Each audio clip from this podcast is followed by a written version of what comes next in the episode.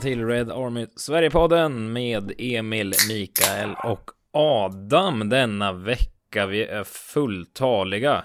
Adam, du som har lagt till dig med att sitta och äta varje avsnitt. Jag utgår från att du har en kanelbulle i mungipan idag, som vi spelar in på kanelbullens dag. Nej, den har jag redan masat i mig. Jag satt och Den. fikade, jag och sambon. Eh, Dom. Du är plural, du har ätit fler än en bulle. Nej, fan tyvärr inte än alltså. Jag har ju lite tid på mig innan natten är här. Men en Innan vi slutat ätit. spela in. Jag, jag tog mig friheten att köpa en någon slags kanelbulle plus semla i någon slags hopkok. Det var jättegott. Mm. Åh fan. Mm, Vadå, jag alltså äter i- ja, I samma bakverk. Ja, det var som att man hade skärt av toppen, eller hälften av en stor kanelbulle, så lagt det som ett jävla lock på en eh, semla. Utan ett eh, sedvanligt semmellock då. Man hade Det gillar inte Emil. lite. Äh, det låter konstigt framförallt. Det låter är inte gott. så konservativt som Emil vill ha det en sån här traditionell dag, så jag förstår att det gör ont i ditt hjärta, men det var jättegott. Var det. Nej, ja, Jag är emot, jag är emot sådana här kommersiella jippon. ja, det ska man vara. jag, jag vägrar ju äta kanelbulle idag. Men Ja. resten av dagarna går bra. Ja. Ja. Nej, Jag tycker mest det lät äckligt där du beskrev Adam. Ja, Vad okej. mer det? Ja. Annars ja, det får stå för dig, Emil. Ja, det får det. Jag hoppas bli bjuden på Ja, den får vacker dag. Vad har du ätit kanelbulle då, Emil? Ja, jag, jag kommer ju Micke pissa på mig, men jag har ju bakat kanelbulle idag. Alltså, Nej, det är ja, fint av dig tycker jag. Ja, men det Ja, sjuka. det är fint att du bakar kanelbullar men att du gör det just idag. Det Ja, men- jävligt basic. Ja, men sanningen är faktiskt att jag ska ju lämna min studentlägenhet i Sundsvall om typ tre veckor, så jag har börjat kika lite på eh, lite skafferirensning och så vidare. Så då såg jag för ett tag sedan att eh, jäklar vad vetemjöl och grejer jag har. Och pärlsocker hade jag. Ja, men lite sånt som eh, går åt till kanelbullar. Så jag tänkte, ja, jag måste göra lite kanelbullar. Och då sa min sambo att eh, det är ju kanelbullens dag här framöver. Och sen kom jag tillbaka till Sundsvall igår här nu, så då, ja, då blev det. Ja, det är helt sjukt. Du är den enda manliga studenten som har pärlsocker hemma. Ja, det... Ja, jag är också den enda manliga studenten med en eh, flickvän som är här eh, lite då och då som jag tror har köpt om det där pälssockret. Men jag ska låta, Tänkte du skulle säga enda manliga studenten med flickvän. Och det är, ja, fair enough. ja, det kan det också vara faktiskt. Ja. Men vadå, är du snart eh, examinist nu eller vad man säger? Går du, tar du din examen nu? Examinist. Nej, det är inte förrän till sommaren, men vi ska skriva sån C-uppsats från november och då får man, och sen är det praktik från eh, nyåret. Så man eh, behöver inte vara i Sundsvall för att skriva uppsats eh, bara med en kompis så att säga. Så då flyr både han och jag härifrån så fort vi bara kan. Med all Sen behöver jag inte gå rätt. in, ja, sen behöver jag inte gå in mer på mina känslor för Sundsvall. Men internet ligger nere här nu, så jag sitter med 4G-nät på mobilen och kopplat upp till datorn, så vi hoppas att det funkar. Men eh, nej, jag är inte bitter, jag har ju fått bulle idag. Och United har ju varit bra också, om vi ska gå in på det. Det är inte mycket att glädja sig över, alltså. Herre gösta. Vad- Ska vi dra av plåstret och börja prata om matchen kanske? 3-6 Ja. i arslet, rent ut sagt, mot eh, City. Vad, Adam, om du får börja, du brukar kunna vara arg av dig ibland. Vad, vad din... Vad, vad tänker du? Då ska vi gå in mer på specifika grejer snart. Uh, nej, men jag har inte tänkt så jävla mycket faktiskt. Jag har inte varit så jävla förbannad heller. Det, det ligger lite över med den här skuggan från förra säsongen att även om vi har varit bra på sistone och vi liksom börjar hitta vägen framåt någonstans så är jag ju medveten om att vi har brister och utmaningar fortsatt liksom. Det är ju inte så att alla jävla problem är bortblåsta. Så jag blev inte så förbannad som man kanske kan vara när vi var bra en gång i tiden under typ Ferguson-eran. Då var vi oftast arg och man skyllde kanske på domaren för man visste att vi var alltid tillräckligt bra för att vinna. Men nu, det var ju liksom, vi var, vi var underläge inför matchen och vi var underläge under matchen. Och efter matchen fick vi se hur det går till i derbyna numera. Eh, Jag tycker att... Äh, jag, jag är inte arg. Kort gott. Jag är inte alls arg. Men såklart Nej, inte jag heller besviken är- egentligen. Ja, nej men alltså inte jag heller egentligen för att eh, Dels för att man tog nederlaget ganska tidigt Man upptäckte ganska tidigt att ja, det här kommer bli en förlust Men också att inget lag kommer slå City när de spelar så här. Eh, speciellt inte på Etihad heller. I den här typen av match också. Det är derby även för dem. Vilket gör att de är såklart lite extra taggade också. Eh, så det, nej, jag, jag är inte så, så besviken. Det, det är klart, det är ett tydligt uppvaknande om hur långt efter vi faktiskt är. Men det mm. hade vi väl någonstans vetskapen om ändå. Mm. Alltså är det något, eh, jag hör vad ni säger båda två, men alltså är det något jag kan vara besviken på så att säga, alltså det är klart man är besviken på sex insläppta såklart. Men alltså som vi, eh, som ni är inne på lite, City är ju alltså, det är väl antagligen världens bästa fotbollslag just nu som vi möter med världens eh, hetaste nummer nio och så vidare. Då, alltså jag, jag kan verkligen bli lite irriterad, alltså vi går in som absoluta underdogs till den här matchen. Och så liksom ger vi bort så mycket också. Alltså vi satte ju knappt två passningar på foten. Man missade jätteenkla passningar, tappar boll i dumma lägen. Vi hade ärligt talat ett par kontringslägen när det fortfarande stod 0-0. Innan 0-1 tror jag det väl var som Sancho hade, hade bollen i ett hyfsat läge och bara tappar den helt omotiverat. Bara tappar den bollen från ingenstans och de kontrar och så står det 0-1. Så alltså där kan jag faktiskt störa ihjäl mig på att vi, vi måste liksom göra höstens bästa match för att kunna ta poäng här. Och så går man ut och gör så bleka saker. Det där jag, jag kan störa mig på eh, ja, efter den här matchen. Det är samma här, det är därför jag tycker, jag, jag säger att jag är besviken. Jag är inte förbannad för jag är Nej. liksom inte förvånad, men jag är besviken för att jag tycker vi är naiva i, i vårt spelupplägg och i formationen. Att visst, vi har gjort bra matcher mot Arsenal. Vi har gjort bra matcher mot Liverpool liksom. Men det här är City. Det här är snäppet värre och vi, vi måste köra lite skärp på hängslen, Framförallt på bortaplan. Framförallt där vi är så bräckliga fortfarande. Vi har ju inte ens byggt upp den här redan än. Vi är bara i början av den. Så då tycker jag väl saker som att vi borde ha legat tajtare med laget. Vi borde inte varit så naivt offensiva initialt. Alltså vi borde ha varit bättre understöd från yttrarna. Idag tyckte jag varken Sancho eller Anthony hjälpte ytterbackarna. Jag tycker centralt var ett helt jävla stort hål. Och det vet man ju med Eriksen och McTominay att de har sina förtjänster, vilket de har visat, men när vi möter ett så här lag som kommer utmana oss 100 gånger över en match och inte bara 15 gånger över en match centralt, då måste vi vara tajta. Så att vi är så otajta som lag och att vi inte är mer defensiv approach i början för att sen växla upp och våga lite mer. Det är jag faktiskt besviken på, för, för jag tycker inte så här, ah vad bra att vi vågade liksom. Eller så här, jag, jag förstår ju att man är att man är väldigt försiktig i den här matchen, men det var vi ju inte. Och det känns som, som jag skrev i vår interna chatt, det här var en lära för Erik Ten Hag. Eh, jag är lite besviken på hur det var, men samtidigt vi behöver vara med om de här fartkuppen för att lära oss något av det. Och han lär ju sig något om sig själv, och han lär sig något om spelarna. För det är en sak att vi har ett dåligt spelupplägg som jag ser det. Vi är naiva, vi är väldigt obalanserade offensiva. Men också liksom att vi inte riktigt är påkopplade tycker jag. Jag tycker väl att...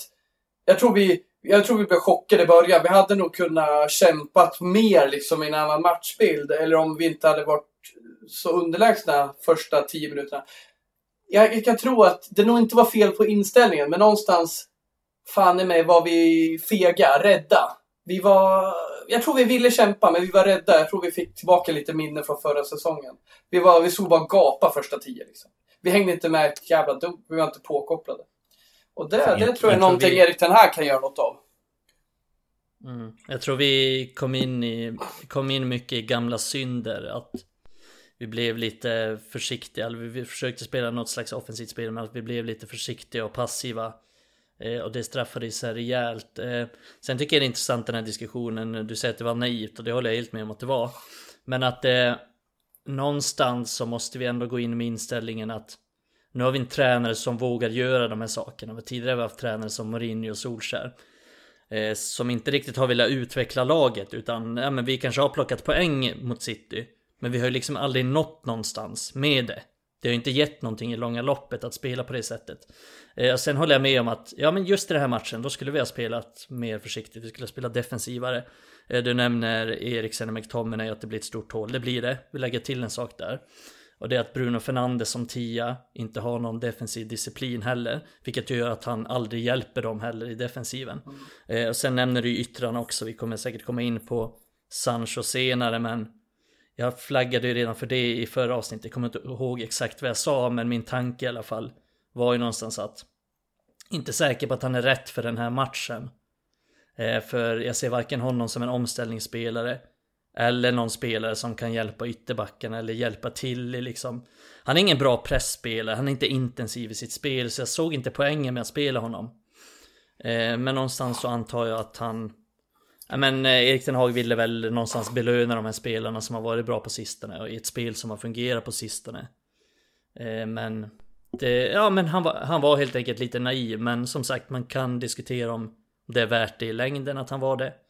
Eller om det hade varit klokast att liksom försöka spela på 0-0 eller försöka få hitta in en kontring. Jag vet inte vad som är liksom klokast i längden men just för att ta poäng i den här matchen så var han ju för naiv. Men mm jag, jag vet inte om jag kan klandra honom allt för mycket för det ändå. Utan jag ser vad han försöker göra. Jag ser liksom hans mål, långsiktiga mål med det här. Och för mig är det good enough. Vi pratade ju tidigare också om, eh, för några avsnitt sen, eller ganska många avsnitt sen, om eh, resultat kontra prestation. Liksom vad som är, kommer vara viktigast. Och då var vi väl lite överens. Det var jag, du, jag, du Emil plus David Selin idag. Att det kanske är viktigast hur vi presterar, att vi får till en grund i vårt sätt att spela, någon identitet. Men att det kommer komma förluster. Eh, och ganska stora förluster också, det har det ju gjort. Mm. Eh, kom en stor förlust mot Brentford och då anpassade han spelet efter det. Han gjorde ju ganska stora förändringar där, framförallt eh, i liksom spelet från backlinjen där. Att han, ja, men han instruerade de Gea att slå lite längre, vi spelade lite enklare.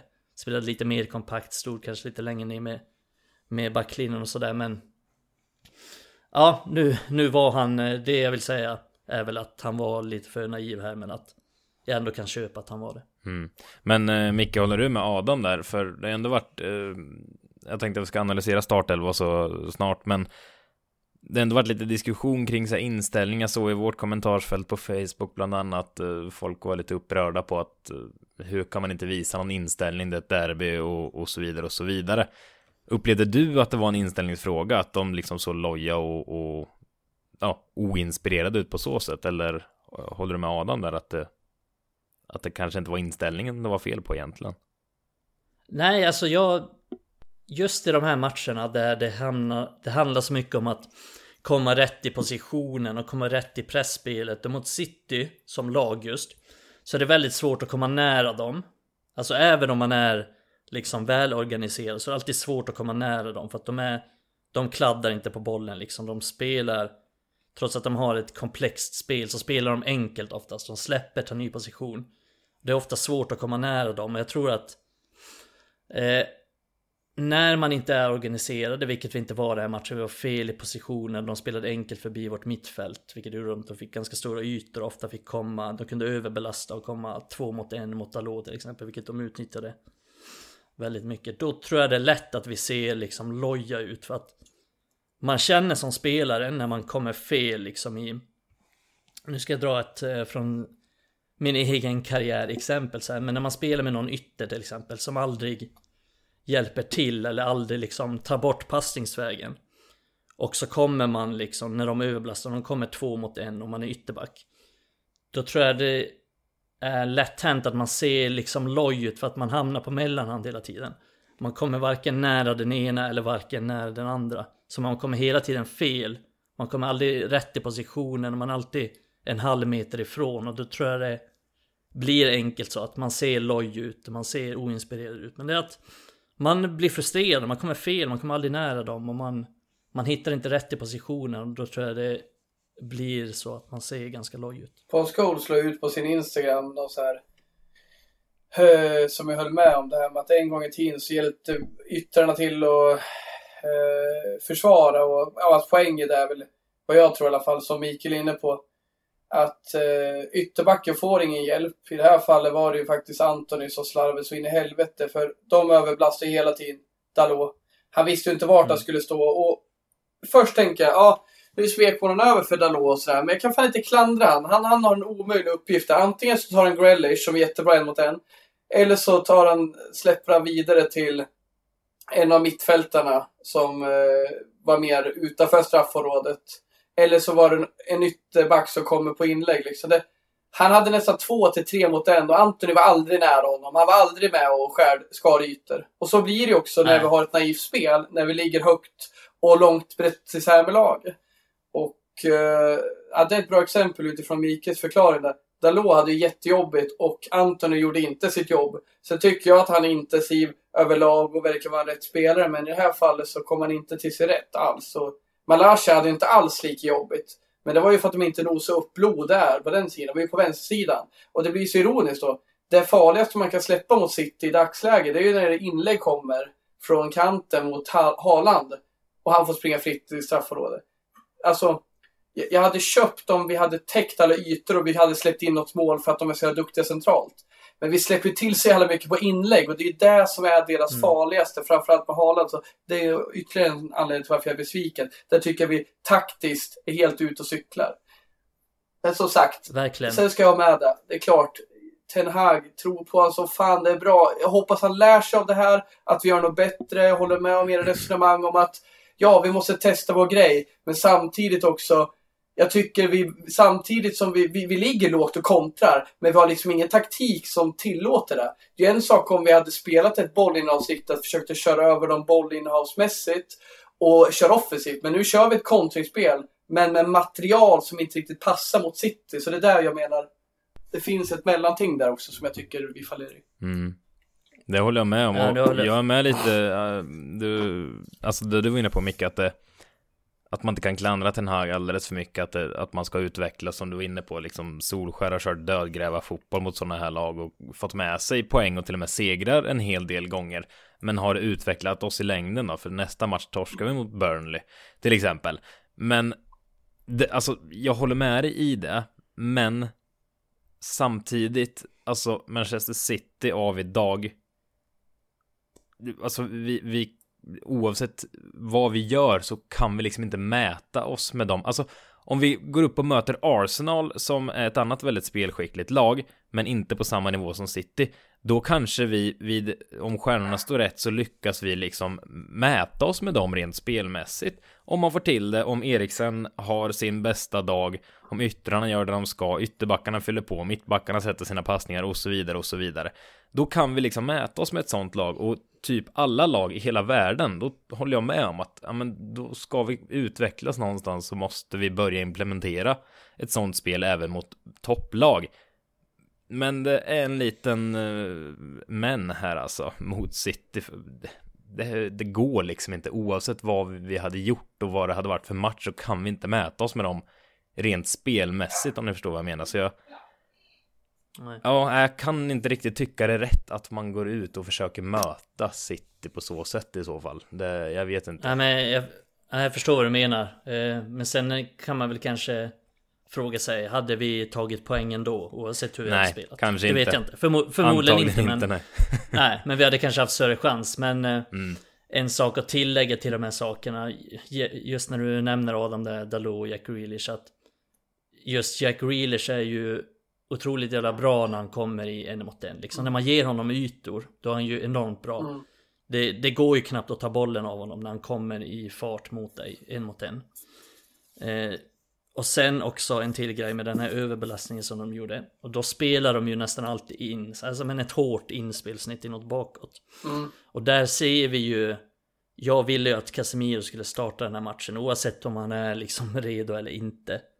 Eh, jag vet inte om jag tycker att han har varit superbra när han har kommit in, men vi behöver den typen i den här typen av matcher för att eh, just Eriksen och McTominay, kanske framförallt Eriksen, vilket man såg på något av målen där. Han, är ju, han har ju ingen bra instinkt i hur han ska försvara eget straffområde just när de här löpningarna kommer in i andra vågen, när de slår in de här bollarna, för det är det de är bra på.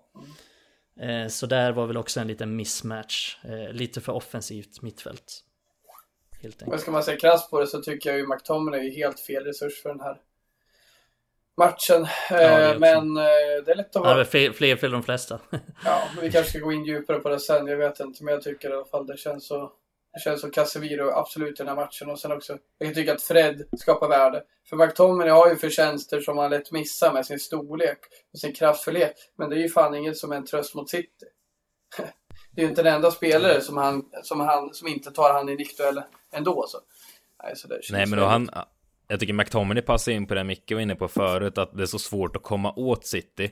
Och McTominay är ju rätt speldum emellanåt, alltså han, han går ju bara på ren instinkt och alltså så, han visar väl inställning om vi nu ska prata om det.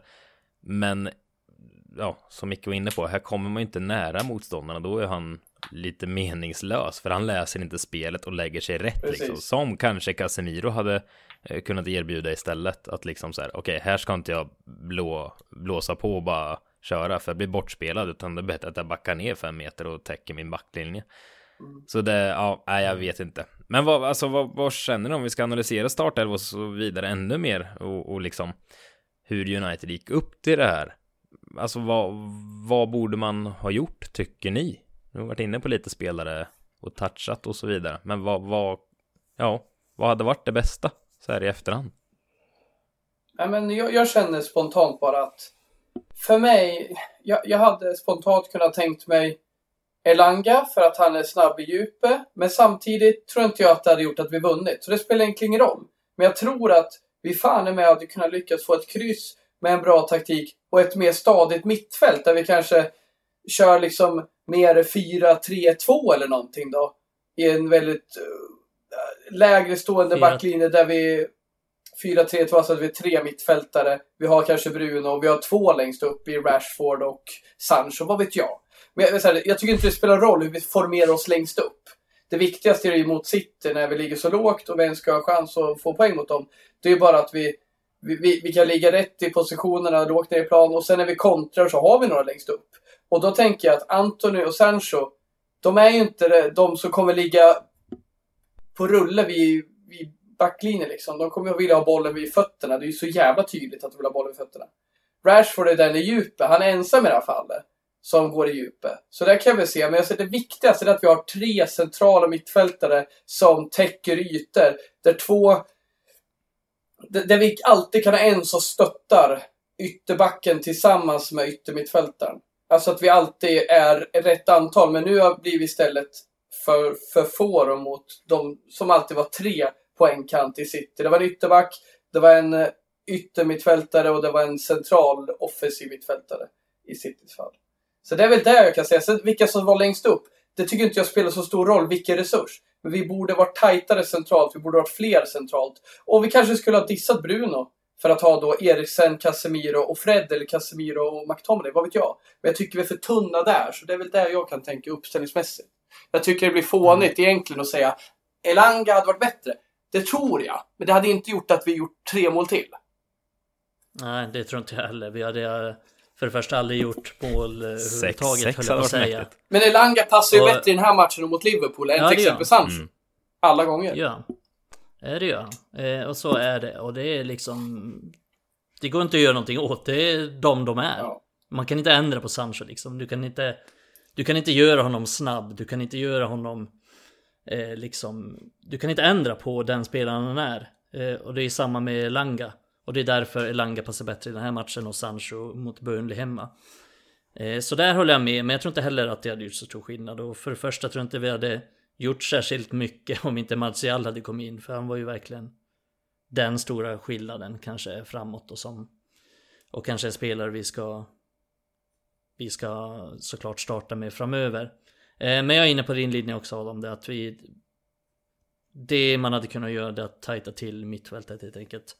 Och då hade jag också Spelat Casemiro. Och sen Vet inte om det spelar så jävla stor roll Om det är McTominay eller om det är Fred men Casemiro och Eriksen och sen McTominay eller Fred.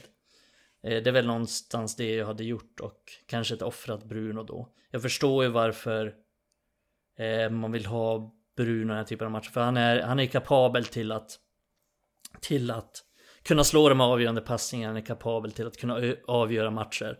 Även om jag vet att han inte har någon bra statistik i stormatcher så, så har han ändå de här egenskaperna som gör att ur ingenting skulle vi kunna få ett mål tack vare honom. Men å andra sidan så tycker jag att vi vi tappar ju mycket centralt eh, i hur vi kan kontrollera spelet. Jag tror att vi kommer få svårt mot City om han spelar som tia för att han har inte den här defensiva disciplinen i sig. Han är inte bra. Visst, han kämpar mycket, vilket gör att det är lite McTominay-känslan över honom, förstår ni? Att mm. han springer mycket, han kämpar mycket och då tror folk att han är bra defensivt liksom. För att ibland dyker han upp med en sista glidtackling där. Men han är inte bra defensivt. Eh, de spelar enkelt förbi honom alltid. Han har inte riktigt den instinkten defensivt heller. Eh, så han hade jag kanske offrat i det här. Även om jag fattar varför han spelar liksom. Jag fattar varför alla spelar. Jag fattar. Det är exakt samma lag som spelar mot Arsenal. Så, och vi vann den matchen och gjorde ganska bra, bra ifrån oss. Jag fattar att han inte vill byta men det är väl eh, centralt på mittfältet jag hade mm. ändrat mest. För det är väl där vi tappade mest också. Jag fattar inte hur man inte kan eh, låta Donny van de Beek spela en sån här match. Han hade ju vänt på det här. Han är skadad. Annars hade han startat. Jag skojar lite. Spöket Donny van de Beek. En karriär som eh, tagit slut. Vi ska inte ta upp honom, då kanske vi väcker alla monster jag hade helt som... glömt, Jag hade helt glömt bort honom. Ja. Om man ska vara helt ärlig. Vilket gör att jag tycker lite synd om honom. Har, han har han gjort någon minut i år? Han har inte det va? Nu ställer du så här jobbig fråga jo. så får den att Ja exakt så här, som ja, gör det, att vi fram Det här är inget man måste Typiskt Emil. Nej men det här är inget man Fy behöver fan. kunna. Man så, kok, ens... så kokar jag Adam sen efteråt. Ställ fan inte sådana frågor där får som framstår som att vi inte kan Nej men det här är inte en fråga man behöver skämmas om man inte kan För han går ju under radarn just nu alltså. Men ja, det var jo, bara han här, har spelat, har han har spelat. Inte i Premier League jo, det har I Premier League har han säkert inte gjort det Men jo, Nej. tre matcher verkar det som när jag googlar lite. Han har spelat lite va? Ja, Tre matcher i Premier League, varav 19 minuter sammanlagt. Jaha. Ja. Nej men han har spelat i någon av kupperna, han har startat i någon av kupperna. Ja men typ Sheriff eller något spelar han väl mot? Ja, vi har ju bara spelat en kupp i Europa League och där har han inte ens varit med i squaden. Nej just det, Sheriff hade ju fasen bästa lag för drottningen hade dött där och var inställt och allt vad det var. 12 minuter mot Brighton, 3 mot Brentford, 4 mot Liverpool. Det är så hånfulla minuter. Nej. Det är ju de som är Folk kritiserade Ole för att han alltid spelade honom fyra minuter. Ja. Ten Hag är exakt samma sak. Ja, han är en uh, historia för sig, en podd för sig kanske.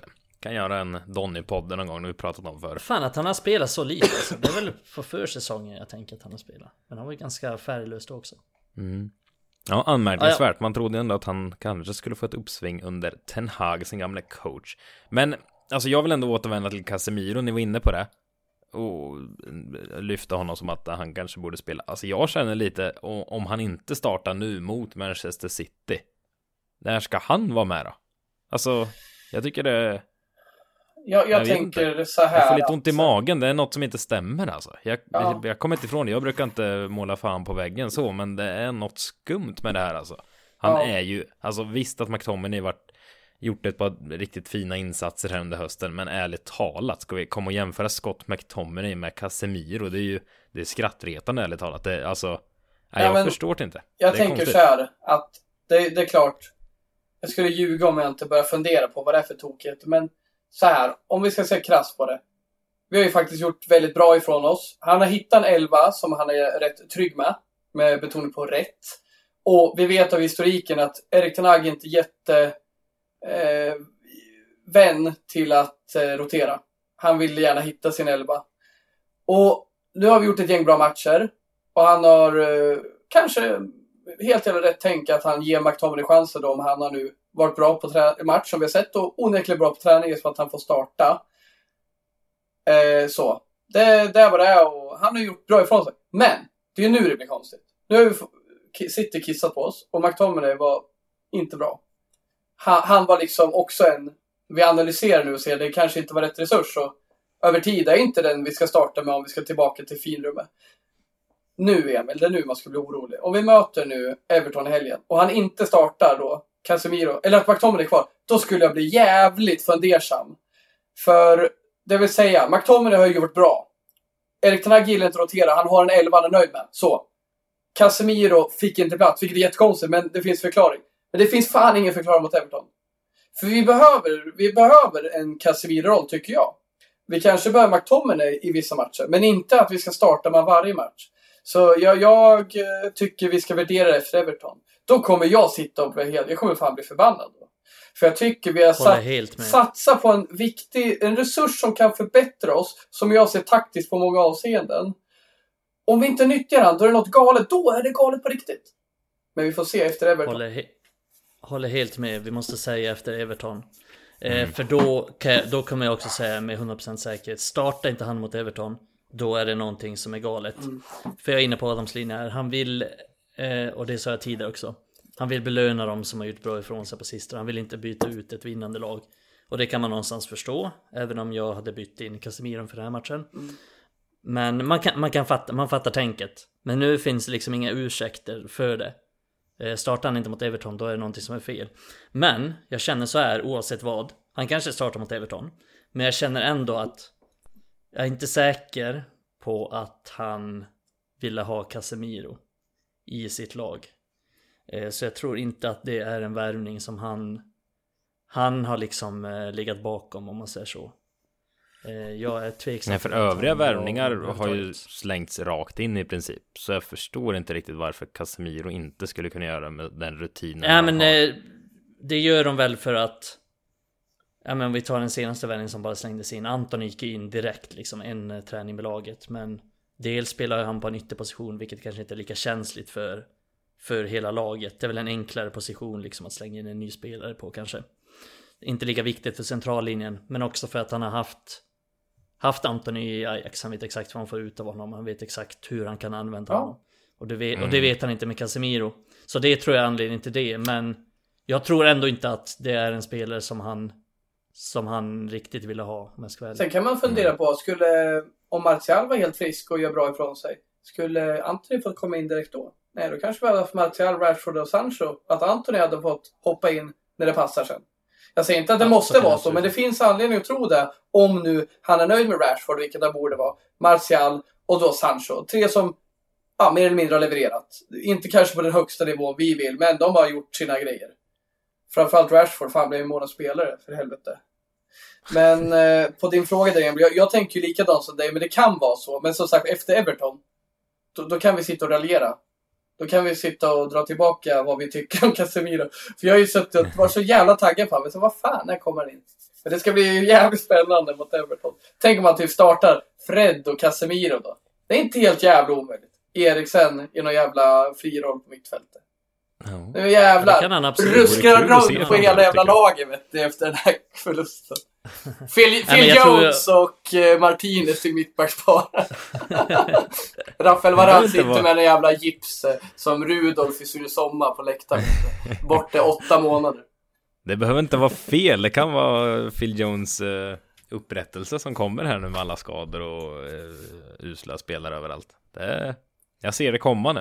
Men vi kan i alla fall utlova att det blir snack om Casemiro i nästa veckas avsnitt också. Antingen har han spelat och vi kan utvärdera en, en ordentlig insats från honom eller så har han inte startat och då då då ringer vi klockorna tänkte jag säga. Är det ett uttryck ens? Vet inte. Ringer för klockorna. Jag vet inte. Det lät bra. Det känns som ett bra uttryck, men det kanske inte är. Ehm, om vi bara ska göra bokslut här med eh, den här matchen. Eh, kan vi avsluta med det enda som var positivt kanske. Det var väl att Anthony Martial gjorde debut, eller debut, eh, comeback det. Rashford också för den delen, men han gjorde inget avtryck på så sätt. Men Martial kom ändå in och gjorde, gjorde två mål. Har det någon form av betydelse efter en sån här match tycker ni? Ja, det skulle jag nog ändå säga att det har. Alltså det är ju viktigt. Alltså för själva laget tror jag inte det är så viktigt. Alltså det spelar väl ingen större roll om det blir 6-2 eller 6-3. Eh, tror jag. Men jag tror att det, att det är viktigt för Martial personen. Vi vet ju också vilken självförtroendespelare han är. Eh, så jag tror att det, det är viktigt för honom. Ja. eh, Jävla mäktig straff också, det vill jag ändå. Även att det stod 2-6 då. Det var... Så där gör man. Magisk han är ibland alltså. Ja men så där gör Fan vad man. man älskar honom ibland. Ja men det där gör man bara Eh. man tror på sig själv någonstans. Även Ja. att det var helt betydelselöst mål liksom. Så... Nej. Ja, verkligen. Men sen, eh, nej, vi hade ju aldrig gjort två mål om inte han hade kommit in. Det känns som att han, även om City slog upp på takten såklart och gjorde alla sina byten så förändrade ju han någonting. Eh, sen eh, tycker jag det är intressant att han gjorde det här, alltså förutom straffmålet, det målet han gjorde. Det är ju den typen av mål man vill se från en striker i United. Det är väl den typen av mål som man har saknat från Martial. Han har gjort det några få gånger. Han gjorde det bland annat på försäsongen nu. Eh, den typen av strikermål liksom. Där han är på rätt plats, där han är i boxen, där han är på hugget. Men eh, ja, det tycker jag är väldigt positivt och kan han liksom få till det på en permanent basis att han gör den typen av mål, att han är att han är på hugget i boxen, då kommer han ju bli en extremt bra striker för United. Men eh, det är väl hans liksom dilemma också att han Det är sällan han är den spelaren. Han gör bra saker och, och sådär men är ju inte riktigt den boxspelaren som man kanske önskar att han skulle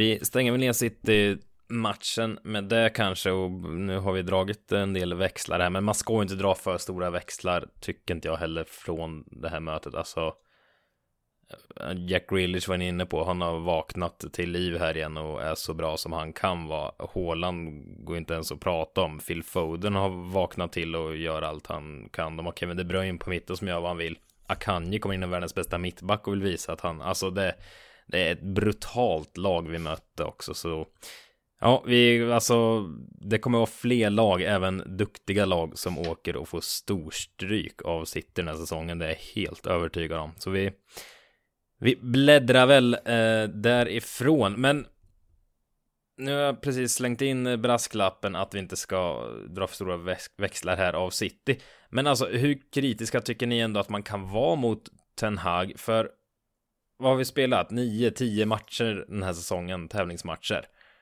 Och man har ändå, alltså, nu har vi blivit totalt slaktade av City, men också av ett lag som Brentford, där det stod 0-4 i halvtid. Utöver det har man liksom förlorat mot Brighton, man har förlorat mot Real Sociedad, det är två lag vi absolut ska slå. Vad, alltså, hur kritisk kan man vara mot den här Adam? Vad, vad tycker du? Eller är det bara, ska man bara acceptera att det är en process och det kommer se ut så här? Eller är det rimligt att Nej, höja tycker, rösten lite? Nej, jag tycker inte det alls. Jag, jag har ju även, vilket jag förstår, jag har även tagit del av kritik initialt i hans första matcher om hans matchcoaching. Så här, jag förstår ju, ska man se djupt på det så har ju han inte tagit alla beslut rätt. Men jag tycker det är ganska naturligt när man har bara varit tränare i några månader att det kommer ske misstag. Och jag är ganska säker på att han kommer lära sig av dem. Så jag, jag vill inte vara kritisk. Jag upplever ju som att han hanterar de här tillkortakommandena kommandena eh, bra. Jag hör ju hur han säger och analyserar efter matchen att ah, men, den här gången var det inte som mot Brentford att vi slutade springa. Nu var det bara att vi, vi var svaga mentalt, liksom. vi var fega. Och ja, jag gillar att höra det. Då hör jag liksom att något kommer bli bättre. Så ja, ja klart man kan vara kritisk, men jag, jag drar inga växlar av det. Jag ser lugnt på framtiden och jag tycker det är bra att man så här tidigt tar vissa bomkörningar och lär sig av dem. Sen om det är ett år ser likadant ut, då kan vi värdera om det. Men alla, alla, eller de flesta har en jobbig period när de börjar sina karriärer i en ny klubb. Vi har sett det i Liverpool under Klopp, vi har sett det i City under Pep. Och vi har sett det i många olika klubbar, så, så det är inget nytt. Och jag, jag gör ingenting med den infon. Jag, jag, tvärtom. Jag ser positivt på att vi har en tränare med starkt ledarskap som, som agerar och hanterar det på vad jag anser är ett bra sätt.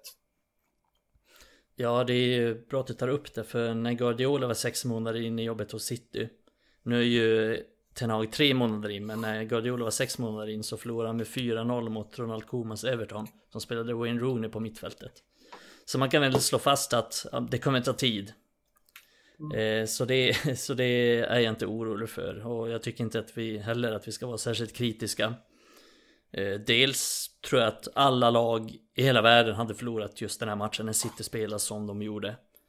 Eh, men sen menar inte jag att det, såg, att det är okej okay att släppa in sex mål mot City. Men det är bara en, det är en förklaring. Det, det, det är en extremt svår match och det kommer gå upp och ner. Och vi kommer vinna matcher och sen kommer vi göra plattmatcher. Och det pratade vi om redan innan säsongen att det kommer se ut så. Och vi har väl eh, liksom fått, fått det bekräftat också att ja, men det, det, är så det är och det är så det ser ut och det är så det kommer vara också.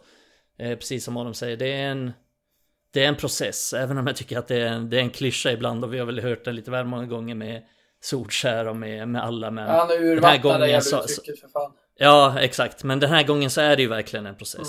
Det är ju eh, Det är ju någonstans Det är ju någonstans så. Det, det är svårt att komma ifrån och Det Ja, det, det är så det får vara och jag är inte särskilt orolig för det. Som jag ser det i livet överlag och jobbet och allting om man är på Red Army Sverige eller man bara sitter och gör någonting.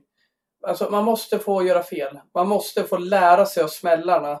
För jag tror att det är den bästa läran. Att man får göra fel, gå tillbaka, tänka igenom det och göra det bättre. Annars hamnar man i någon slags mellanmjölksläge då man varken utmanar sig själv eller någon annan. Men gör man fel, då lär man sig. Man måste bränna sig ibland. Och det, alltså, vi drog exempel nu. Ja, det var inte okej okay att släppa in sex mål mot City, men för att återspegla Klopps session, liksom Gerards sista match, då förlorade med 6-1 mot Stoke. Det måste ju kännas ännu värre någonstans, även om det är inte är derby. Men liksom, vi behöver de här smällarna och jag tror att de ger oss något bra istället för att vi spelar massa kryssmatcher och förlorar med 1-0 här och där. Det, det, kanske behövs något ordentligt nu i början för att han tydligt ska se. För det är en stor risk när man är nyare. Det är att vi liksom ni vet, vi har en hyfsad säsong och kommer fyra. Ja, oh, fy fan. Det här gick ju bra. Nu kan Glazers hålla igen pengarna lite en stund. Och Ten Hag bara, men för fan Phil Jones, du kan ju hoppa in i fem matcher per år. Det funkar ju. Och du där Martial, du är ju lite trött. Nu sätter han ju krav direkt. Och han ser direkt att, nej för fan, det här går inte. Och han såg ju det i början också. Nej, det här är ett bra lag. Sen har han insett att ja, det är ett bra lag. Men vissa behöver jag väcka och vissa behöver jag skeppa kvaliteten mm. tekniskt är inte problemet i United. Det är mentalt. Vissa är bristfälliga tekniskt, absolut, det säger inget om. Men det är mental problem och vi har också fundamentala problem med klubben såklart. Som gör att vi inte alltid investerar. Men det är så som jag ser det. Vi kommer behöva göra de här misstagen. Det gör att processen blir kortare än den nödvändigtvis behöver vara. Så vi inte hamnar i något jävla mellanmjölksläge. Men det stora... Ja, precis, jag, jag tror att det är en uh, bra poäng också. att han lär sig om laget, om, om spelet, om ligan och vad som fungerar, mm. vad som inte fungerar. Och jag tror ju just att de här matcherna, det såg vi, det ser, ser vi bevis på. Efter förlusten mot Brentford, då gjorde han förändringar mm. i sättet att spela. Vi ser att han lär sig av de här sakerna. Och jag är övertygad om att han lärt sig extremt mycket om laget, om individuella spelarna, vad som fungerar, vad som inte fungerar efter den här matchen mot City. Jag tror att han lärde sig mer efter den här matchen. Jag tror att det kommer ge mer i längden att förlora den här matchen än att vinna 1-0 mot Leicester. Eh, så, så jag... Nu får jag en förlust mot vår värsta rival där vi släpper in sex mål till någonting positivt. Men jag tror ni förstår vad jag menar. Ja. Att det är nyttigt att få åka på de här smällarna. Jag tycker att Adam är en jävligt bra poäng där med, med livet i allmänhet. Att glider man bara omkring och inte utmanar sig själv, inte försöker någonting, ja men då kommer man fastna i någon slags medelmåttighet och mm. kanske inte ta, sätta så stora avtryck. Utan man måste, man måste våga göra de här sakerna, man måste bränna sig för att, för att kunna nå toppen och det, det är någonstans dit jag är på väg med mitt resonemang och det är någonstans dit Ten Hag är på väg med United tror jag. Ja, och det är bara att hoppas att han insåg efter den här matchen också, Ten Hag, att det är ju Harry Maguire som är det stora problemet. Och, ja, han, han, förstör, han sitter där på läktaren och liksom eh, Hela hans väsen förstör ju det här derbyt för United. Så han måste skeppas. Han eh, får mest troligt inte befinna sig på jorden när England spelar VM, för då åker de ur gruppen kan jag lova. Fan, det var att han var på läktaren och därför mm, det, det jag menar. Ut med Maguire! Han, vi hade behövt honom utanför kommungränsen i alla fall. Då hade vi kunnat vinna, det tror jag. Hoppas, hoppas eh, sarkasmen går igenom det här ljudformatet. Det är farligt ibland att köra sarkasm så här, men ja, ni som känner er träffade kan ju Man citerar dig, citerar dig i skrift. ja, gör det. Transkribera vad du sa. Exakt. Då kommer det, fram, då kommer det framstå som vettig. Ja, så kan det vara. Eh, men hörni, om vi nu har jag sagt att vi ska släppa eh, det som varit hundra gånger och nu gör vi det. Eh, vi ska blicka lite framåt. Eh, spelschemat som jag alltid pratar om som Micke hoppar jämfota över när vi pratar om. Han har säkert gått iväg och pinkat här nu. Men eh, det fortsätter. Nej, jag bara slutar lyssna. Uppenbarligen inte.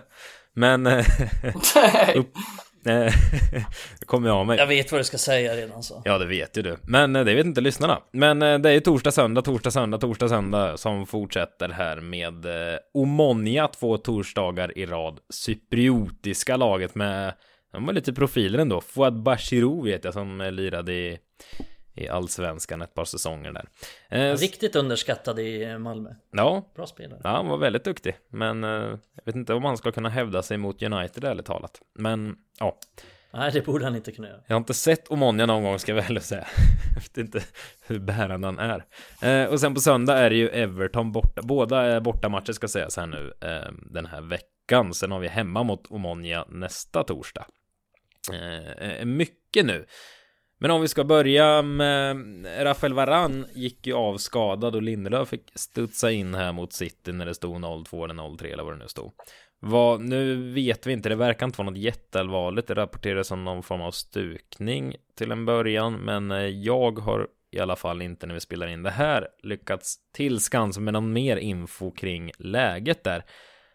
Oavsett vad, hur stort bekymmer är om han nu missar några matcher? Alltså han och Martinez har ändå gått in och gjort det väldigt bra minus senaste matchen då. Var Micke, är du väldigt oroad om Varann skulle vara borta?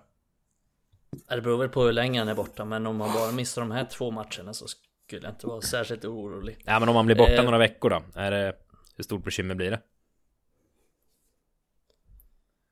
Ja du. Står vi och faller med Martinez och Varann nu Jättesvårt liksom? att säga. Nej, det tror jag inte att vi gör. Eh, det är väl klart, det är uppenbart att de två var de två bästa mittbackarna, så det är klart att det är någonstans ett tapp, men jag tror inte att vi står och faller med det ändå i, i det långa loppet. Eh, nu verkar det inte vara något superallvarligt. Men jag ser det inte som, om vi bara tar de här två matcherna, ser jag inte som något stort problem om man skulle missa de två. Eh, vi ska kunna vinna utan honom. Eh, men eh, jag ser med varann överlag som ett, det är ett återkommande problem att han missar många matcher, att han är skadad mycket och han är inte ung längre så det är, det är ju ett problem vi kommer behöva ta tag i så småningom. Eh, vad var frågan? Hur, hur Ja, vi ska klara oss utan honom?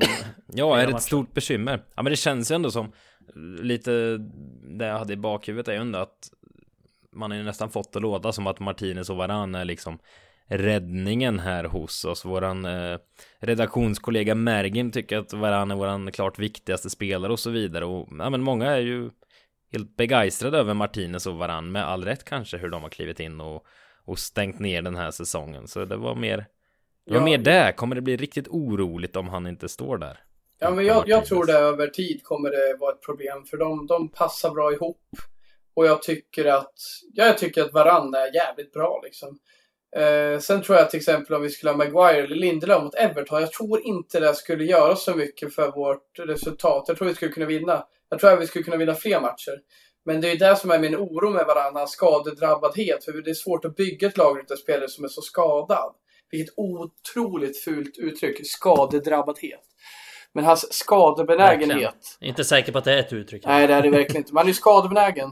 Och jag tror inte det är bra över tid. Jag hoppas det är kortsiktigt. För ja, men vi behöver ha backar som spelar tillsammans och som är trygga. Jag tycker Varann känns jävligt trygg.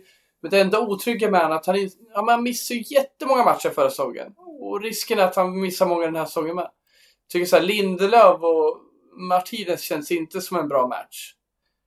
Nej, det gör de inte faktiskt. Och inte Maguire heller, för jag tycker inte varken Maguire eller Lindelöf är tillräckligt aggressiva. Och vi behöver, som vi nämnt tidigare avsnitt, vi behöver aggressivitet i det här. Sen kan ju de lära sig att coachas med oss och det kan ju bli bättre, men skulle ljuga om jag sa att jag var trygg utan de här, trots att vi har förhållandevis bra resurser att tillgå. Vi har ju ändå Lindelöf och Maguire, de har spelat i Premier League förut, men fan det känns sådär tycker jag.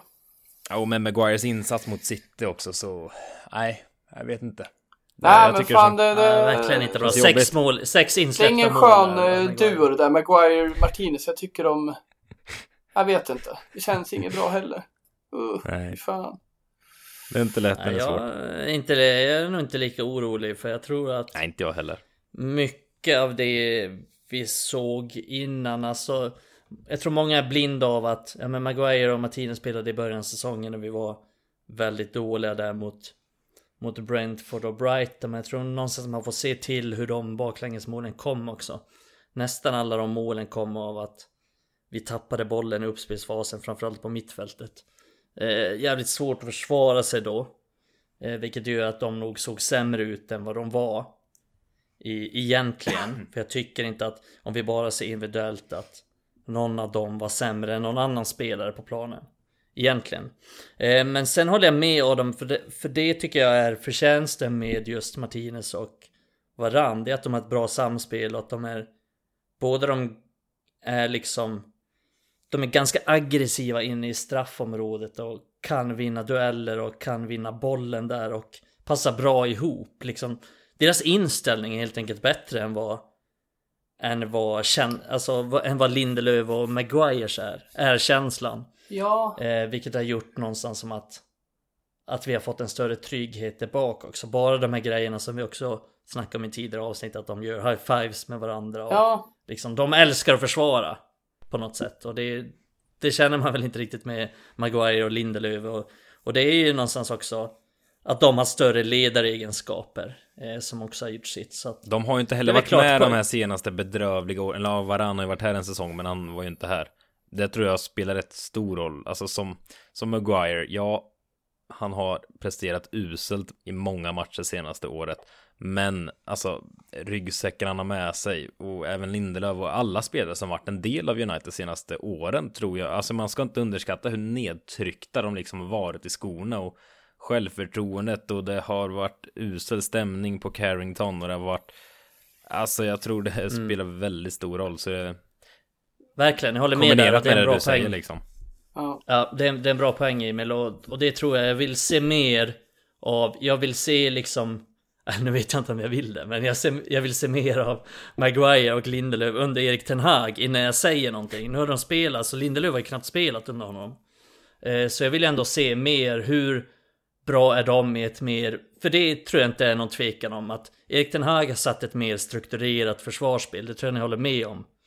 Han har satt ja. ett mer, även om vi har, okej okay, vi har släppt in 10 mål mot City och, och eh, Brentford sammanlagt över, över två matcher bara. Men överlag har han satt ett mer strukturerat försvarsspel. Så jag vill se mer av liksom Maguire i det spelet, jag vill se mer av Lindelöf i det spelet innan jag säger någonting säkert. För jag, jag vet, eh, det är väl eh, det svaret jag kommer på nu. Jag vet inte om det är ett stort problem att Varann är borta på längre sikt. Jag har inget bra svar på det för att jag vet inte hur de här kommer reagera under, eh, under Ten Hag. Om vi tar den här matchen mot Sociedad till exempel. Då spelade ju Maguire till exempel, Lindelöf spelade också. Det är ju den match vi egentligen har släppt till minst antal chanser. Om vi ser till alla matcher. Nu svär jag inte i kyrkan på att det är exakt statistiskt rätt. Men jag tror att det är det. Eh, och då spelade ju de. Så att någonstans så kan vi spela bra försvarsspel med de spelarna också. Med Ten Hags liksom taktik, med hans disciplin, med hans struktur. Så att jag, jag vill se lite mer av det innan jag säger någonting säkert kring det. En sak jag vill fylla på där med fördelen med att Varann och Martinez spelar tillsammans som vi inte riktigt kan applicera med de andra resurserna. Det är att Varann är ju vår klart snabbaste mittback och det gör ju att han kompletterar Martinez bra som inte är särskilt snabb eh, i starten och det är inte Dalot heller i starten. Dalot är ju en av våra snabbaste över tid faktiskt. Han är ju jävligt snabb när han får upp farten. Men vi, det saknar vi sannoliken. Eh, när varandra är borta, eh, då varken Maguire eller Lindelöf är snabba. Och, och det tror jag kan bli ett problem eh, på kort sikt. När vi är då väldigt aggressiva, ligger lite högre upp mot lag där vi kanske inte kommer vara lika defensiva som mot typ Liverpool eller eh, City. Så, så, där ser jag en, en oro, för, för jag håller med det finns kvaliteter där också som man kan nyttja. Men just Lindelöf och Martinez, Lindelöf, Maguire eller Lindelöf eller Maguire och Martinez, det är för söliga mittbackar för vår taktik tyvärr. Eh, så som jag ser det. Ja, inte säker på att jag håller med om det. Det är kanske en diskussion vi sparar. Problemet med Maguire är att han kan vara aggressiv, men då har han alltid en utmaning att komma hem. Eh, Varann är snabbare tillbaka och han har lättare att hantera det. Han, han, han, när, Maguire går bort sig så är det alltid så jävla grovt för att han inte är så snabb i vändningarna. Och det är ju därför Ja, han passade mycket mer bättre i Solskärs. Vi kom tvåa säsong och vi trodde vi var bra. När han inte alls var lika högt upp eh, i backlinjen. Och det blev ju värre när de började trycka upp backlinjen under Solskärs sista säsong. Som jag upplever i alla fall. Och som sagt, vi får se vad det blir. Jag är i alla fall orolig med. Varann har varit bra och han är snabb alltså. Jag, jag tycker han är snabb. Eh, sen om han Ja, är alltså, tillräckligt det är snabb. ingen- Men, Maguire är inte snabb och han är trög i vändningarna. Det är fan otäckt alltså. Ja, men- jo, men det har du ju rätt i. Men det tror jag inte är... Det är klart det är bra, bättre att vara snabb än att inte vara snabb. Men jag tycker ändå att vi många gånger under Solskjaer såg ett klipp faktiskt från när vi vann borta mot City och högt upp vi stod med backlinjen. Och då spelade ju ändå Maguire och Lindelöf. Så det är uppenbart att de klarar av det spelet. De, vi kan vinna mot City på Etihad och stå högt med backlinjen. För det gjorde vi stundtals under en av de matcherna vi vann. Eh, men eh, sen håller jag med om att ja, men Varann är snabbare och han är bättre Men var det med trebackslinjen då eller? För jag minns ju att vi hade ju bra matcher där med Sean när han blir som en jävla libero. Och tar alla djupledsbollar liksom. Är osäker på Ja, skitsamma. då. Mm. Eh, Skitsamma, men eh, de har, de har i alla fall förmågan att kunna göra det. Jag tror att det, det jag vill komma fram till är att jag tror att det är viktigare att man som lag har en struktur, att det finns folk som är redo att täcka upp för att Maguire inte är skitsnabb eller att Martinez inte är snabb eller att si eller så. Och det är ju det alla bra lag gör. Om vi tar Liverpool som exempel så Trent Alexander-Arnold är inte bra defensivt. Men de har ju haft spelare som täcker upp för honom. De vet ju, Klopp vet att Trent inte är bra defensivt. Så då har han haft mittfältare som täcker upp för honom. Och då låter man honom, då låter man Trent vara den kreativa spelaren. Man låter honom stå högre upp. För att man vet att man har täckning för det. Eh, och nu har ju han fått mycket kritik för att han har varit dålig defensivt. Men han har alltid varit lika dålig defensivt. Skillnaden i det Liverpool är väl att de inte har varit så bra på att täcka upp för honom som de har varit tidigare. De har inte varit lika bra i pressspelet, de har inte vunnit tillbaka bollen lika ofta som de har gjort innan. Eh, så det är någonstans det tror jag som är det viktiga, att man att man får till det här lagspelet som gör att spelarnas svagheter inte blir lika blottade. Och det tycker jag United har varit dåliga på under, under många år. Att man, man har använt spelare med olika typer av spelsätt, olika profiler. Och det har väl eh, Ten Hag fortfarande problem med. Eftersom han har ärvt den här truppen. Och då ser vi till exempel med att ja, men Sancho spelar i ett, i ett kontringslag. Som inte passar hans styrkor. Och så vidare och så vidare. Det finns många sådana exempel. Men det är väl Det är väl någonstans det som jag ser som utmaningen. Att man Att United måste bli bättre på att Kunna täcka upp för varandra. Eh, och det tror jag att Ten Hag eh, kommer utveckla. Och det vet jag att han har utvecklat delvis redan. Mm. Men när jag sitter där och känner mig lite optimistisk, det är ju ganska sällan jag är det till att börja med. Men eh, alltså, vi, vi, har, vi kommer inte ha en enda förlust till i oktober. Eventuellt går vi ända till VM utan en enda förlust. Jag fick lite feeling för det. Jag scrollade igenom spelschemat här också. Jag ser inte vart vi ska. Vilka möter vi efter Alltså nästa, inte nu i helg men sen. Nu kör vi Omonia borta, Everton borta, Omonia hemma, Newcastle hemma, Tottenham hemma, Chelsea Okej. borta. Det är klart, det här är ju lite körigt alltså, men jag ser inte att vi skulle torska mot Tottenham nu. Jag ser inte att vi skulle torska mot Chelsea heller. Jag har någon god känsla alltså. Sen är det Sheriff hemma, West Ham hemma, Sociedad borta, den är tuff. Aston Villa borta, Aston Villa hemma. Fulham Oj, två borta. enkla matcher mot Aston Villa. Sen är det VM. Det är snart VM. 13 Åh, fy fan, vad november spelar vi sista matchen inom VM. Men eh, ja, jag vet inte varför, men jag sitter på en god känsla. Jag tror vi kommer Segertåg vill jag inte säga, jag tror det kan komma lite oavgjorda matcher här och var, men eh, jag svårt att se att det är mer än en torsk innan VM eh, till i alla fall. Nej, jag tror du kan ha rätt i det. Jag känner Bara, mig också ganska positiv. bara ha en god känsla i grund och botten. Alltså vi kommer inte möta något lag som är i närheten av det vi mötte i, i söndags eh, med City här eh, kommande. Nej, det kan inte riktigt bli värre. Det är väl det som är positivt. Ja, nej, blir men liksom det- svår. det blir ingen svårare match än så. Nej, exakt.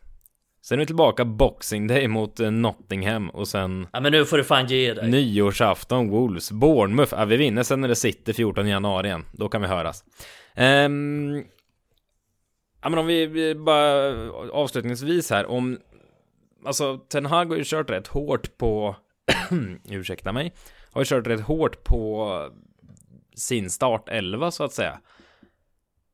Adam om du hade varit Ten Hag och nu kört hårt här liksom hade du nu fortsatt gå på en 11 för att spela ihop laget eller hade du börjat eh, mixtra och kika nu? Kanske slänga in Casemiro, upp med Martial nu när han är tillbaka, testa vila Sancho en match och så vidare och så vidare. Hur hade du lagt upp det här framöver?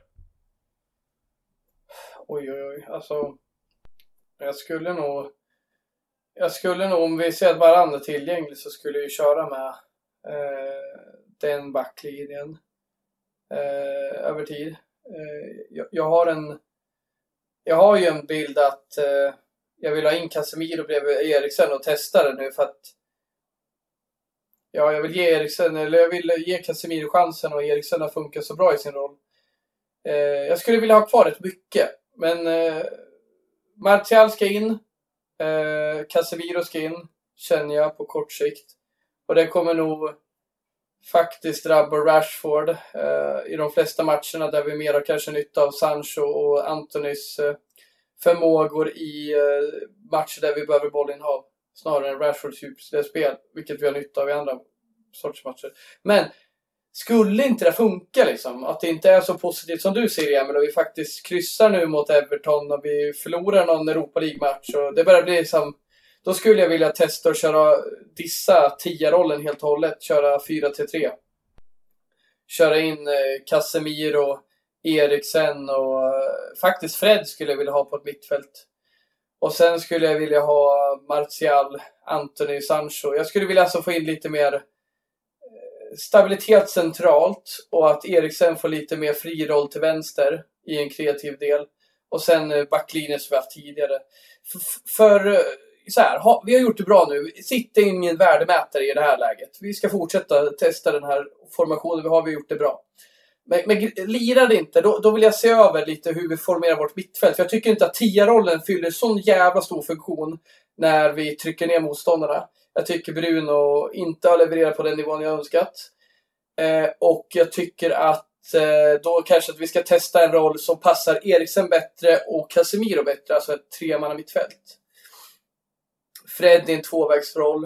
Eh, Casemiro ett ankarroll och Eriksen till vänster lite den rollen man önskar Pogba tog men som han bara tog var 15 match.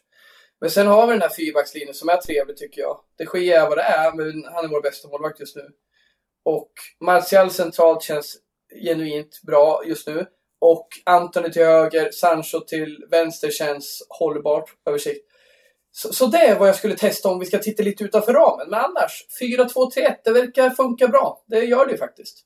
Men, då tycker jag inte riktigt att Casemiro kommer in i den rollen han ska ha, om jag ska säga mitt.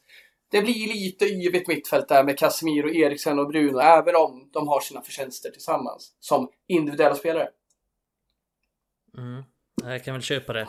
Eh, det jag skulle också fundera på att göra som jag misstänker att han kanske gör redan eh, mot Everton det är väl att han får in Luke Shaw som vänsterback istället för Malaysia. Kan jag tänka mig är en rimlig förändring. Annars tror jag, inte, jag tror inte han kommer förändra så mycket. Han kommer, jag tror att han kommer försöka få in Casemiro.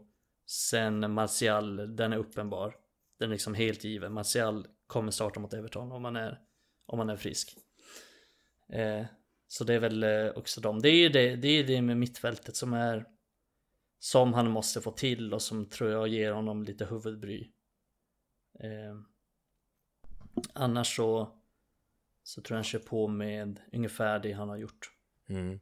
Jag tycker men... inte det är rätt att ta in så, men jag tror faktiskt att det kommer hända. Jag tror det kommer hända innan VM-uppehållet.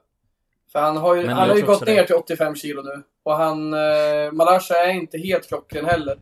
Men jag tycker det är rätt Nej. översikt att fortsätta låta han lära sig den här elvan. Han är inte dålig, men det finns mycket att utveckla där. Jag tycker att han, han begränsar oss offensivt ganska mycket faktiskt. Mm. Jag tror han kommer göra, Shaw kommer göra Sancho en tjänst om han kommer in offensivt. Men som sagt, jag tycker Ja, inte han- det är rätt, är- men jag ser att det kommer förbättra oss. Det låter konstigt, men jag tänker det på lång sikt. Så. Förklara. Ja, men jag tänker på lång sikt. Jag var redo att skicka så. Ja, Jag skulle kunna skicka han nu med. Jag är så jävla trött på honom. Ja. Men jag har aldrig sagt att han är en dålig spelare. Jag tycker bara att han är mentalt svag. Och därför har han gått ner nu. För att han eh, blivit petad och han måste känna flås i nacken. Men, han gjorde det med Brandon Williams en gång i tiden. Men, Mm. alltså, jag tycker inte det är bra på lång sikt. För jag tycker att Balash är tillräckligt bra. Men, absolut, han, det, det finns anledning att tycka till och med. Jag håller med dig Mikael, det finns sunda anledningar till det. För Balasha begränsar oss. Sen är han eh, bra, krokar arm med backen och sådär. Men jag hade förväntat mig lite mer offensiv från honom faktiskt. Eh, man är ny i ligan, ny i klubben, absolut sådär. Men jag tycker han är lite feg. Om vi jämför med Dalot, som borde vara feg. Han, är världens jävla, han, han har ju haft världens jävla ryggsäck, om någon. Han bara öser på. Det vill jag se från Han har Malaysia. bra självförtroende. Ja, Han har alltid trott att han är bäst i världen. Malaysia är lite mer jordnära. Ja, exakt. Lite mer ödmjuk och försiktig. Jag håller med dig om att eh, Malaysia, han har inte riktigt kommit upp och där är man lite besviken. Eh, men det som han har gjort bra, som jag tror eh, Ten Hag gillar med honom också, det är att han är, han är, han är aggressiv liksom. Och det, det är inte show på samma sätt. Men sen är ju Shaw, alltså kollar man bara just nu så är Shaw i grunden en bättre fotbollsspelare än vad han är. Och därför tror jag att han kommer komma in nu. Eh, men jag tror att det kommer skifta lite kring säsongen, vem som startar. Och det är ju någonting positivt ändå att vi har två rätt så bra vänsterbackar och det får vi väl jag känner mycket med support, vi pratade om det lite innan avsnittet också att Det är ju mycket, jag vet inte om det är en trend i samhället eller om det bara är i vår supporterskara Men det är ju väldigt mycket att man ska ställa spelare A mot, ställ, mot spelare B Och då vill man helst att ena spelaren ska misslyckas För att man vill få in sin spelare Eh, och det tycker jag är en lite tråkig inställning för det är, det är kul att vi både har Malaysia och Shaw som kan komma in och producera. Jag känner mig ganska trygg med oavsett vem det är. Säg att vi möter City borta och så går Malaysia sönder efter 20 minuter. Då är man inte orolig när Shaw kommer in. Men skulle Dalot bli skadad, liksom skulle Dalot dra korsbandet nu, då är det ju katastrof. Då måste vi värva in en ny högerback liksom. Vi måste göra det. Ja, men Eh, underskatta inte vad det så skulle det ju- betyda för laget, som du säger Mikael. Alltså hela vår jävla uppspelsfas skulle ju försvinna, för vi använder typ aldrig Malashi i uppspelsfasen. Vilket är en anledning. Nej. För han är inte alls lika framfusig som Dalot. Nej, och, och, sen där skulle nog uppspelsfasen. precis, där skulle Exakt. han växla upp. Faktiskt. In med Shaw på högerbacken då. Jag är typ ärlig. Eller Malaysia spelade ju ja, högerback Malaysia var det som lite. spelade. Men visst är det provocerande att se hur jävla smal Shaw är nu? Alltså att det bara sker sådär. Adam tycker det är fel. Ja men, ja det är fel. Ja, han borde alltid se ut sådär. Han borde alltid se ut sådär när han... Jag orkar inte hålla på när han tjänar så här, men så här, han är ett proffs. Jag tycker han borde bete sig som ett proffs. Han har ett jävla privilegium med den talangen att få spela i en så stor klubb. Men han håller på liksom, går upp och ner i vikt och han, han är inte Wayne Rooney liksom. Wayne Rooney kunde ju se ut sådär och ändå slå in bollar i krysset. Förstår ni min poäng? Shaw är ju liksom jävla tröttmössa. Är det som med Jonah Hill, skådespelaren? Man vill att han ska vara lite tjock hela tiden. Man vill inte att han ska bli vältränad och snygg. Och... Han är inte lika rolig när han är smal. Han ska ju vara lite... Det är som såhär, Seth Rogen kan inte heller bli... Kan inte vara smal som fan. Nej, han kommer ju tappa Han ska vara vänner då, plufsig. Ja. Ja, det är kul. Men, men jag tänker i alla fall, bara för att knyta ihop säcken. eh, Nu jämför ni lite spelare mot varandra, vilka spelare man vill se på planen och inte. Jag är lite snarare att Alltså jag, jag blir lite oroad när eh, vår vän William, Ajax-experten som eh, gästade oss eh, senast bland annat. Att han har ju poängterat det här att Ten Hag varit lite dålig på att använda hela truppen med rotation och så vidare. Det är något jag brinner för tänkte jag säga. Nej, men jag tycker det är väldigt viktigt att Alltså jag struntar i den enskilda matchen lite här och där om Shaw eller Malaysia spelar eller om vilket innermittfält vi har. I alla fall om vi möter liksom Everton eller något sånt. Men jag ser en väldigt stor vikt vid att om vi nu tar innermittfältet att få in Casemiro nu som ändå är världsklasspelare. Väck Fred till liv igen för han har ändå kvaliteter som vi kan nyttja. Se till att hålla igång med Eriksen. Bruno ska kunna vara poängdrivande. Se till att McTominay kan... Alltså, vi måste nyttja hela truppen. Det vill jag verkligen slå ett slag för. Alltså spelar vi bara Mar Martial, Sancho och Anthony här nu till exempel. och, och de liksom startar och får 80 minuter varje gång, då kommer vi aldrig få igång Rashford om han bara ska studsa in 10 minuter här och var.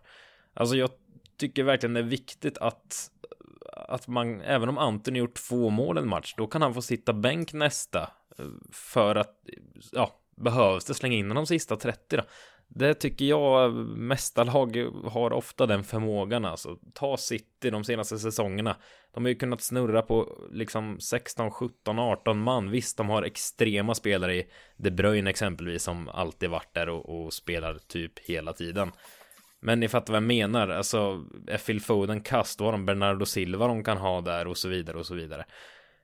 Det vill jag att United ska hamna en vacker dag, att vi inte sitter här och funderar över hur det går nu när Varan är borta, för de två har spelat varje match. Jag tycker det är jätteviktigt att han lyckas med det nu, framförallt jag var inne på att spelschemat är hyfsat trevligt här nu. Det är verkligen då jag tycker, jag ser absolut startar så nästa match, in med Casemiro och Fred. Alltså starta Martial igen. Elanga kanske kan få minuter. Alltså jag, nej, det är dags Ja, alltså. Jag håller helt med dig. Jag, tycker vill att är- 16, det är en bra 17, 18 man ska liksom vara igång och vara Ja. inne i det. Har man samma 11 hela, hela, hela tiden.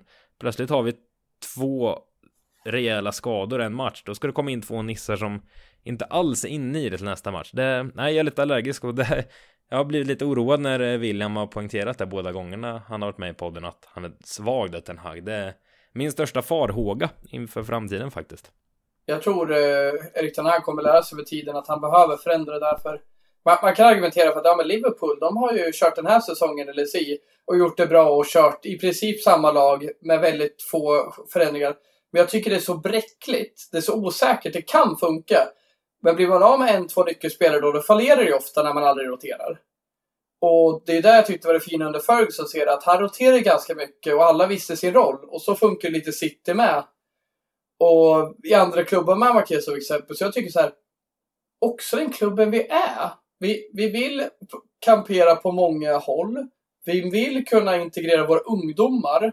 Och vill vi kunna göra det och ha lite som vi haft i vår historik i klubben. Då måste vi ha plats för rotation. Och det är klart vi kommer ske i ligacup och League.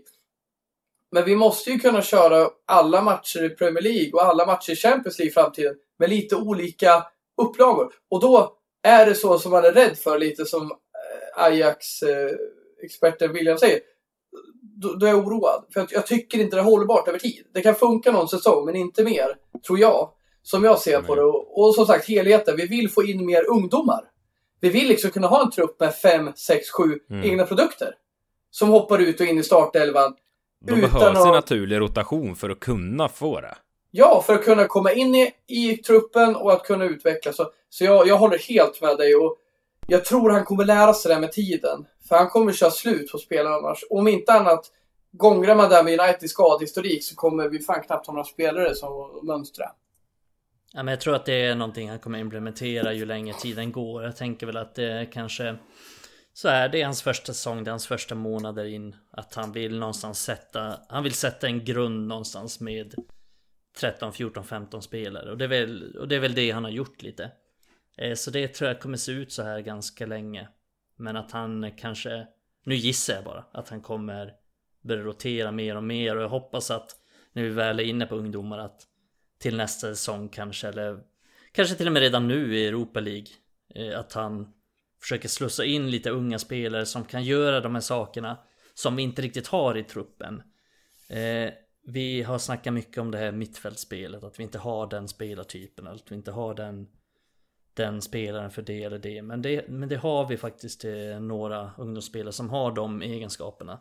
Så jag hoppas att han, att han försöker slussa in dem och att han ser deras kvaliteter, att han kan förvalta deras eh, potential också.